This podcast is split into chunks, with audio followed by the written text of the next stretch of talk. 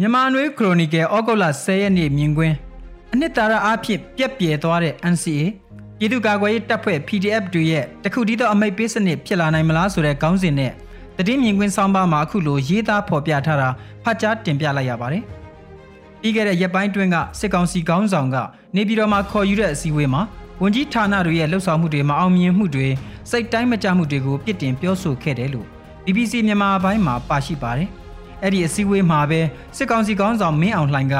NCA နိုင်ငံလုံးဆိုင်ရာအပြစ်ရရေးစာချုပ်အတိုင်းဆက်လက်သွားမယ်လို့ထပ်လောင်းပြောဆိုခဲ့ပါတယ်။ဖက်ဒရယ်စနစ်ကိုတွားရမှာလူမျိုးစုကိုအခြေခံတဲ့စနစ်ထက်ဒေတာကိုအခြေခံတဲ့စနစ်မျိုးတွားမယ်လို့လဲဆိုခဲ့ပြီးလက်ရှိ2008မှာဖက်ဒရယ်အခွင့်အရေးတွေပါရှိပြီးဖြစ်တယ်လို့အများပြည်သူသဘောဆန္ဒနဲ့ကိုက်ညီရင်တက်မတော်ကလည်းပြင်ဆင်ဖို့သဘောတူတယ်လို့ဆိုပါတယ်။ဒီနေရာမှာဖက်ဒရယ်စနစ်ကိုပြင်ဆင်ဖို့သဘောတူတယ်ဆိုတာထက် NCA စာချုပ်ကိုနှုတ်နဲ့ဆက်လက်ကင်ဆွဲထားဆဲဖြစ်ပေမဲ့လက်ထဲမှာတော့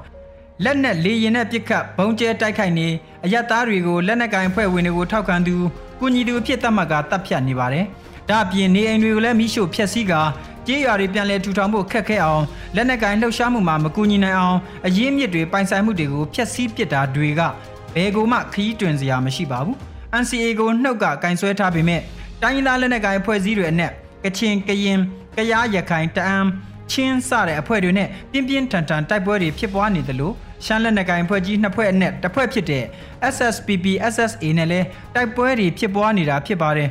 NCA လက်မှတ်ရေးထိုးထားတဲ့အဖွဲ့တွေအနက်တိုက်ပွဲမဖြစ်တာဆိုလို့မွန်ပြည်သစ်ပါတီလာဟူအဖွဲ့တို့နဲ့သာတိုက်ပွဲဖြစ်ပွားခြင်းမရှိတဲ့အနေအထားလည်းဖြစ်ပါတယ်ရှင်းအောင်ပြောရရင်တော့စေအာနာသိမ့်မှုဖြစ်ပွားပြီးနောက် NCA ဟာအနှစ်သာရအားဖြင့်ပြက်ပြဲခဲ့ပြီလို့ဆိုရမှာဖြစ်ပါတယ်။ NCA မှာလက်မှတ်ရေးထိုးထားခဲ့တဲ့အဖွဲ့တစ်ဖွဲ့ဖြစ်တဲ့ KNU အဖွဲ့ကလည်း NCA စာချုပ်ဟာစစ်အာဏာသိမ်းပြီးကြတဲ့ပြတ်သွားပြီဖြစ်ကြောင်းအခုရက်ပိုင်းလှုပ်ဆောင်တဲ့သတင်းစာရှင်းလင်းပွဲမှာပြောဆိုခဲ့ပါသေးတယ်။ NCA ရဲ့အခန်းတစ်ဖြစ်တဲ့နိုင်ငံရေးပြဿနာကိုနိုင်ငံရေးနည်းနဲ့ဖြေရှင်းရမယ်ဆိုတဲ့အပိုင်းကိုစစ်ကောင်စီကချိုးဖောက်ဖျက်ဆီးခဲ့တာကြောင့် NCA ကပြက်ပြယ်ပြီးဖြစ်ကလိုက်နာစရာမလိုတော့ကြောင်းပြောဆိုသွားခဲ့တယ်လို့သတင်းဖော်ပြမှုတွေမှာရေးသားနေကြတာဖြစ်ပါတယ်။2011ခုနှစ်ဧပြီလမှာဦးသိန်းစိန်ဆိုရတက်လာပြီးနောက် တိုင်းရင်းသားလက်နက်ကိုင်အဖွဲ့တွေကိုဖိတ်ခေါ်ကာအလွတ်သဘောနဲ့တရားဝင်ငြိမ်းချမ်းရေးဆွေးနွေးပွဲပေါင်းမြောက်များစွာညီလာခံအကြိမ်ကြီးအချို့နဲ့နိုင်ငံလုံးဆိုင်ရာအဆင့်သို့မဟုတ်ပြည်내တိုင်းဒေသကြီးအဆင့်လက်မှတ်ရေးထိုးမှုပေါင်းများစွာလှုပ်ဆောင်ခဲ့ရာက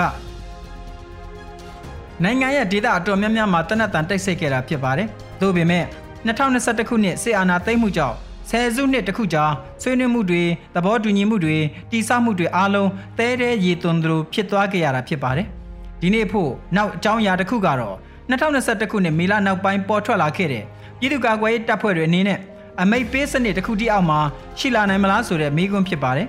PDF လို့ရေပုံရအမည်နဲ့ခေါ်ဆိုကြတဲ့ပြည်သူ့ကာကွယ်ရေးတပ်ဖွဲ့တွေအနေနဲ့မိမိတို့ဘာသာမိမိတို့ရပ်တည်နေကြသူတွေအမျိုးသားညွေရေးအစိုးရရဲ့ကာကွယ်ရေးဝန်ကြီးဌာနလက်အောက်ကဖွဲ့စည်းလှုပ်ရှားနေကြတဲ့အဖွဲ့တွေတိုင်းရင်းသားလက်နက်ကိုင်အဖွဲ့တွေအောက်မှာသို့မဟုတ်၎င်းတို့ရဲ့ထိန်းချုပ်နေမြေတဲ့နေထိုင်ပြီးစစ်ကောင်စီတပ်ကိုတိုက်ခိုက်နေတဲ့အဖွဲ့တွေ စသဖြင့်ပေါ်ထွက်လာပုံမတူတာ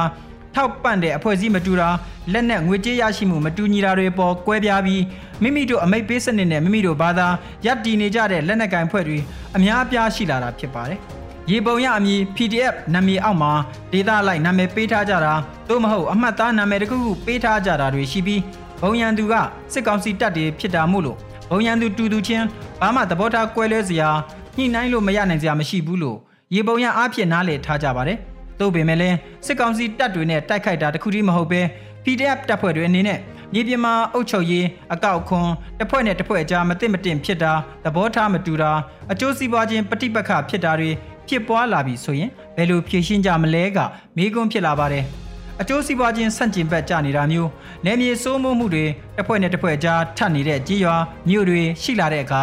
အကောက်အခွန်တွေနဲ့ပတ်သက်တဲ့မူဝါဒလက်တွေ့ကျင့်သုံးမှုအပိုင်းမှာသဘောထားမတူညီကြတာနှုံထားမတူညီတာသို့မဟုတ်နှစ်ထပ်ကောက်ခံတာမျိုးစတဲ့လက်တွေ့အုပ်ချုပ်ရေးဆိုင်ရာကိစ္စတွေလက်နက်ကင်ဆောင်တဲ့အဖွဲ့ဖြစ်သည့်အားလျော်စွာအာဏာလွဲသုံးစားလုပ်မှုတွေလူခွင့်ရေးချိုးဖောက်မှုတွေဖြစ်ပွားလာတဲ့အခါဘယ်လိုအမိတ်ပေးစနစ်နဲ့ထိမ့်သိမ်းကြမလဲလိုက်နာအောင်ကြက်မှတ်ကြမလဲစတာတွေကတကြောင်တည်းဖြေရခက်တဲ့မိကွန်းဖြစ်လာပါတယ်အခုရက်ပိုင်း PDF တပ်ဖွဲ့အချင်းချင်းကြားပုတ်တိုက်မှုတွေ တက်ခွဲတက်ရင်ခေါင်းဆောင်ဖြစ်သူကတစ်ဖက်အဖွဲ့ရဲ့မိသားစုဝင်တွေကိုဖမ်းဆီးတဖန်တစ်ဖက်အဖွဲ့ကဝိုင်းပိတ်တိုက်ခိုက်ပြီးခေါင်းဆောင်ကိုပြစ်ခတ်တပ်ဖြတ်လိုက်တာတွေကမြန်မာနိုင်ငံအလဲပိုင်း PDF တပ်ဖွဲ့တွေကြား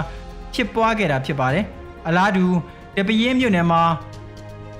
အခြား PDF လက်နက်ကိုင်အဖွဲ့ဝင်ရောက်လာတာကိုတားမြစ်တဲ့အမိန့်ထုတ်ပြန်တဲ့အဖြစ်လဲဖြစ်ပွားခဲ့တယ်လို့ရခင်လကမကွေးတိုင်းရိုးမ area က PDF အဖွဲ့တွေကြားမှာလဲ အဖွဲ့တစ်ဖွဲ့ရဲ့ခေါင်းဆောင်ဖြစ်သူကိုအစည်းအဝေးဖိတ်ပြီးအများရှိမှပြစ်တက်ခဲ့တဲ့အဖြစ်ပြက်လဲဖြစ်ပွားခဲ့တာဖြစ်ပါတယ်ဒီဖြစ်ပျက်တွေကိုကြည့်ရင်ဗဟိုအမိတ်ပေးစနစ်တစ်ခုတည်းအောင်မရှိတဲ့ PDF လက်နက်ကိုင်အဖွဲ့တွေကြားနိုင်ငံရေးသဘောထားလက်နက်ကိုင်တပ်ရဲ့စီမင်းစည်းကမ်းအုပ်ချုပ်ရေးနဲ့လက်နက်ကိုင်အဖွဲ့ရဲ့လုတ်ပိုင်ခွင့်ရောထွေးနေတာသို့မဟုတ်အုပ်ချုပ်ရေးကိုတိတိတတ်တတ်မထူထောင်နိုင်သေးတဲ့အနေအထားမှာ